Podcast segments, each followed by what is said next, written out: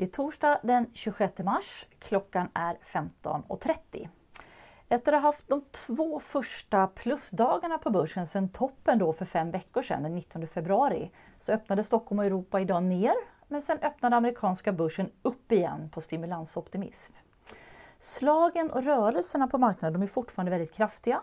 Vi pratar flera procentenheters upp respektive nedgång varje dag på börsen. Det är inte sunt.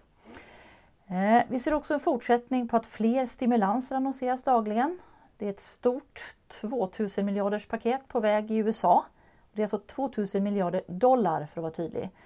Eh, motsvarande paket i stora finanskrisen då var 800 miljarder dollar. Och I Sverige där fick vi igår kväll fler åtgärder riktade mot de mindre företagen. Så regeringar de tar till fler angreppssätt och de ökar beloppen för att ge stöd till företag och därmed rädda jobb. Och Feds enorma köp bara den här veckan har också redan haft effekt på räntemarknaderna. Vi har faktiskt aldrig sett något liknande i stimulansväg. Det är helt historiskt det som nu sker globalt. Samtidigt så fortsätter debatten om hur länge det är klokt att ha de här ekonomiska nedstängningarna och de fysiska restriktionerna för medborgarna. Det här debatteras även i Sverige som ju inte anammat de kraftigaste restriktionerna. Bland annat så har Financial Times idag en artikel med varningar från Jakob Wallenberg. Eh, konjunkturosäkerheten är enorm. För att ge några exempel då, så vid finanskrisen så krympte amerikanska ekonomin med 2,5 procent, den svenska med 4. Och nu för Sverige så ligger prognoserna allt mellan ett fall på 1,5 procent till ett fall på 7 procent för svensk BNP i år. Så stor osäkerhet. Dessutom så är det så att amerikanska centralbanken Fed vid sitt senaste möte så var de inte beredda att ge någon prognos utan de flyttade den här tidpunkten till juli. Så chockartat och svårbedömt är läget. Men just nu så är det dock tvärstopp i de flesta ekonomier och bara för att ta några signaler, ett axplock. Så Singapore först ut med tillväxtsiffror för årets första kvartal och det var ett ras på 10% ungefär lika mycket som vid finanskrisen.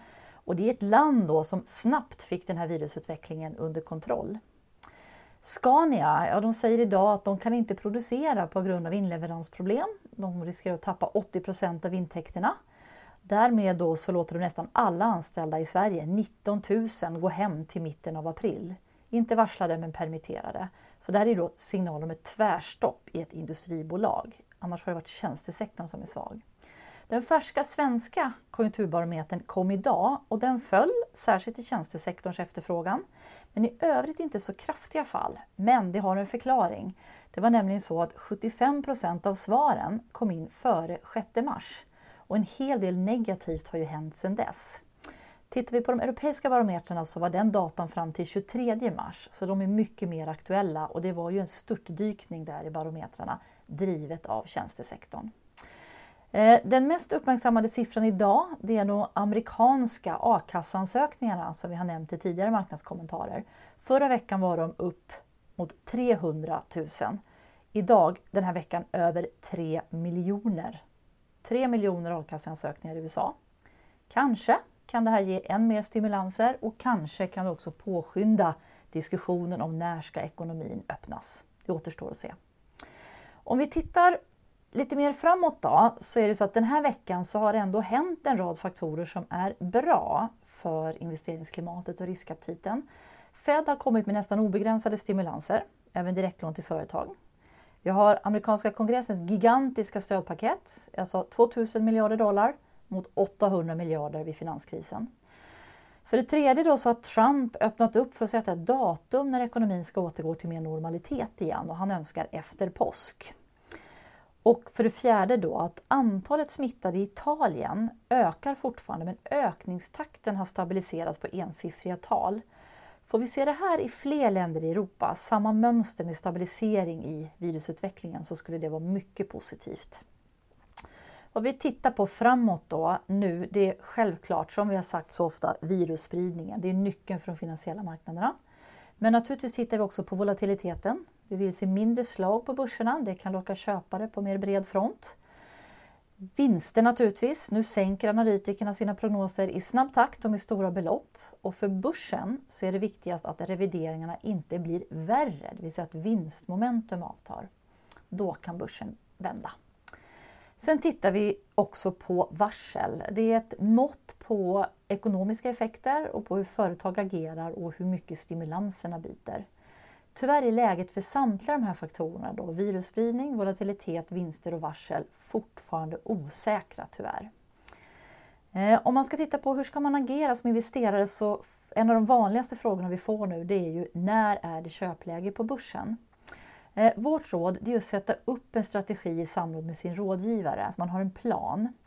Stora börsfall har historiskt visat sig vara bra lägen att köpa om man är långsiktig och det ska man vara när man gör aktieplaceringar.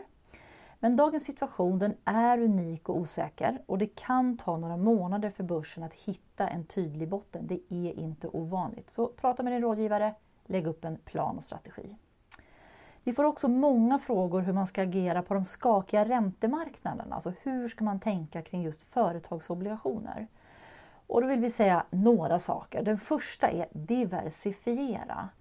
Eh, på nordiska företagsobligationsmarknaden, framförallt de lite mer riskfyllda obligationerna, high yield, så har vi likviditetsutmaningar. Eh, och det är då om fonder får stora utflöden.